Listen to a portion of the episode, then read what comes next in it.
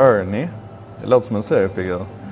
Fast det är det inte. Det stavas E-A-R-N-Y i det här fallet. Och det är en amerikansk startup som precis har plockat in 9 miljoner. De rör sig in i en kategori som handlar om att få återbetalning om priserna sjunker efter att du har köpt prylen. De är inte ensamma. Det finns företag som Sift och Slice och Mula. Tydligt tecken på att det är en ung kategori. Eh, det är fantasifulla och märkliga namn.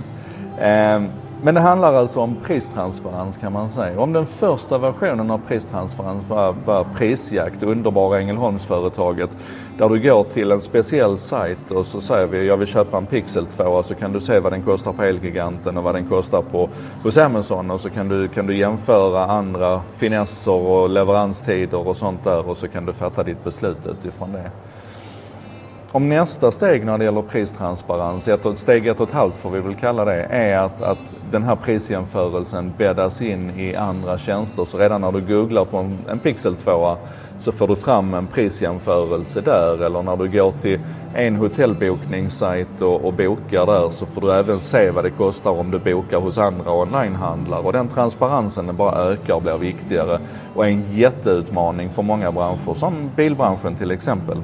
Kul att jobba med Volvo när man märker hur det här med bilhandlarnas traditionella sätt att, att laborera med priset som en, eh, som en USP, hur det håller på att förändras. Um, men det, nästa steg här nu då, steg två, det är alltså det som Ernie gör och det är att du inte bara inför köpet utan även efter köpet har en pristransparens. Så att om jag har köpt den här Pixel 2 på, på Walmart och det sen visar sig att Walmart sänker priset på den, då kan jag få en refund och då behåller Ernie 25% av de pengarna som de ser till att, att skramla ihop till mig. Det kan ju till och med vara så att man jämför med andra sajter så att om jag köper den på Walmart och det sen visar sig att den är billigare på Amazon så går de till Walmart och så säger de hörni den här prylen är, är billigare hos Amazon och så får jag mellanskillnaden som konsument då. Och det här kan jag ju sitta och göra själv men det är klart att det är mycket smidigare om Ernie gör det åt mig.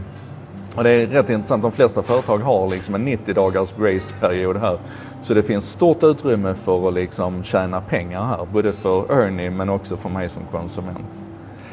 Det som händer nu med den här marknaden när den rör sig mot version 3 det är att automationen kickar in här. Artificiell intelligens och automation i väldigt breda termer kickar in här och ligger till exempel nu och tittar automatiskt in i din mailbox. Så att om det trillar in ett kvitto därifrån någon av de här handlarna som de håller koll på så tar den över processen och sköter det helt automatiskt åt dig. Det finns möjlighet att titta in i dina kreditkorts statements och, och, direkt där liksom plocka ut alla köpen och så ligga och monitorera dem då under 90 dagar.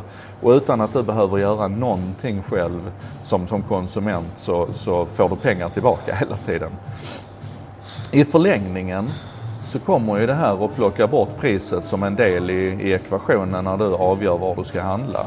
För att alla konsumenter kommer att vara anslutna till de här systemen, tror jag. För att så bra är de, så friktionslösa är de och så mycket pengar kommer du att, att vinna på det. Och i slutändan så kommer det vara omöjligt för handlare att stå utanför det här. För den handlare som inte finns med i det här systemet kommer helt enkelt inte att få några, få några affärer. Inte bara för att du sannolikt kanske kommer att göra dina inköp genom den här tjänsten. Om den nu heter Earn eller något annat, det vill jag låta vara osagt. Men också för att, att det här blir ju känt, liksom, vilka, vilka aktörer som är anslutna till det här systemet och ger dig pengar tillbaka. Och när vi då plockar bort priset ur ekvationen och försöker göra andra saker viktigare så är det ju lätt att tänka att ja, men då är det ju distribution till exempel det kommer att handla om. Men hela logistiken håller ju också på att bli generell. Det är ju inte någon, om vi tar Alibaba till exempel så handlar jag ju från 1000, 150 000 olika handlare där men de sköter distributionen till mig. Och Amazon håller ju mer och mer på också att bli ett clearinghouse för distribution där jag egentligen handlar ifrån olika aktörer under men allting kommer till. Så logistiken är inte heller en faktor. Och då börjar det bli jäkligt spännande vad det är som avgör vem jag i så fall ska välja att handla ifrån och vad som händer med hela retailkedjan. I synnerhet när det här flyttar ner till dagligvaror också. När det alltså inte bara är sällanköpsvaror utan det är allting som jag har i mitt, i mitt kylskåp och i min tvättstuga. När priset inte är en faktor där längre heller, vad, vad tusan ska hända då? Och det här funderar jag mycket på nu och det tror jag du kan göra också för att det här kommer att påverka alla. Inte bara de av oss som heter Joakim Jardenberg och jobbar med Axel Jonsson och ska försöka hjälpa dem i den här transformationen utan konsument eller leverantör. Vad fan händer med pristransparens och automation? Det behöver vi klura på, för det händer nu.